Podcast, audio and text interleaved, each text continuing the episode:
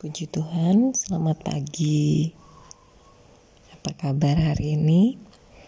Kiranya semuanya dalam keadaan yang sehat dan sangat bersyukur untuk pagi ini. Kembali kita merenungkan tentang peran Roh Kudus di dalam kehidupan anak-anak Tuhan. Kalau hari kemarin kita tahu bahwa Roh Kudus datang, ia menginsafkan dunia akan dosa, mengajar dalam kebenaran, dan penghakiman. Puji Tuhan, hari ini pun kita akan baca dari Yohanes 16 ayat 13. Tetapi apabila ia datang yaitu roh kebenaran, ia akan memimpin kamu ke dalam seluruh kebenaran sebab ia tidak akan berkata-kata dari dirinya sendiri, tetapi segala sesuatu yang didengarnya itulah yang akan dikatakannya. Dan ia akan memberitakan kepadamu hal-hal yang akan datang. Puji Tuhan, punya roh kudus ini kayak punya, kalau bahasa gaib cenayang.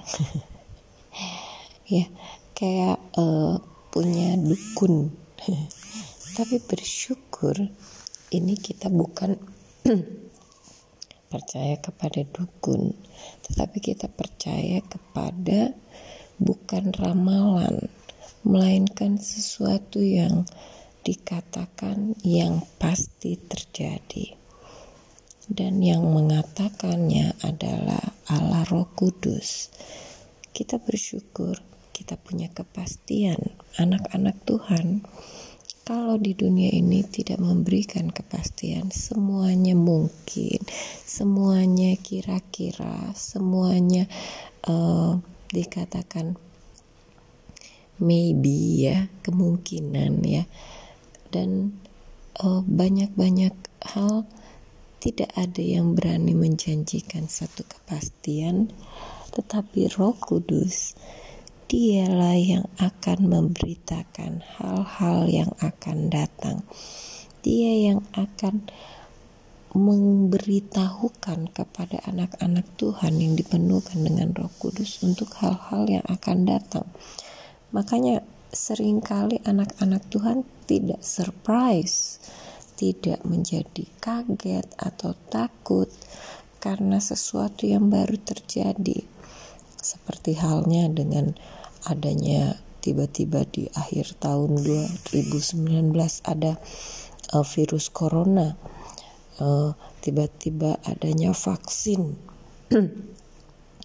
Uh, dan bahkan banyaknya gempa bumi atau bencana-bencana yang terjadi bagi anak Tuhan bukanlah sesuatu surprise, bukan sesuatu yang mengagetkan, bukan sesuatu yang menakutkan, sebab anak-anak Tuhan sudah tahu di mana Roh Kudus mengajarkan melalui firman Tuhan, memang itulah tanda-tanda dari akhir zaman kita bersyukur memiliki Roh Kudus yang terus menjelaskan kepada kita, yang terus berkata-kata di dalam kehidupan kita, menceritakan akan hal-hal yang akan datang. Kalau orang yang tidak memiliki Roh Kudus bedanya apa? Mereka akan terkejut, mereka akan uh, mengalami shock, mereka akan mengalami depresi, mereka akan mengalami stres saat mengalami hal-hal tersebut karena tidak siap. Bukan tidak siap uh, ekonomi mereka, bukan tidak siap uh, pikiran mereka, melainkan mereka tidak siap dalam rohani mereka. Jadi kita harus tahu orang-orang dunia berbeda dengan anak-anak Tuhan adalah dalam hal kesiapan. Anak-anak Tuhan disiapkan untuk sesuatu yang mendatang, yang kekal, Jadi tidak mengejar sesuatu yang ada di dunia ini yang masih kelihatan karena semuanya sementara. Karena anak-anak Tuhan mengenai hal-hal yang akan datang. Oleh sebab itu, yang di dunia ini bukanlah surprise bagi anak-anak Tuhan. Karena yang buat mereka akan surprise adalah sesuatu yang akan mereka terima di surga nanti. Itu yang surprise bagi anak-anak Tuhan ya. Satu uh, janji mahkota itulah yang menjadi surprise buat anak-anak Tuhan. Puji Tuhan, oleh sebab itu supaya kita tidak menjadi shock supaya kita nggak menjadi stres hadapi segala sesuatu di dunia ini kita perlu roh kudus. Seperti tadi kita sudah bacakan bahwa Roh Kudus yang akan menceritakan, yang akan memberitakan kepada kita hal-hal yang akan datang. Puji Tuhan supaya kita siap menghadapi masa yang akan datang selama kita hidup di dunia ini. Mari kita harus punya Roh Kudus.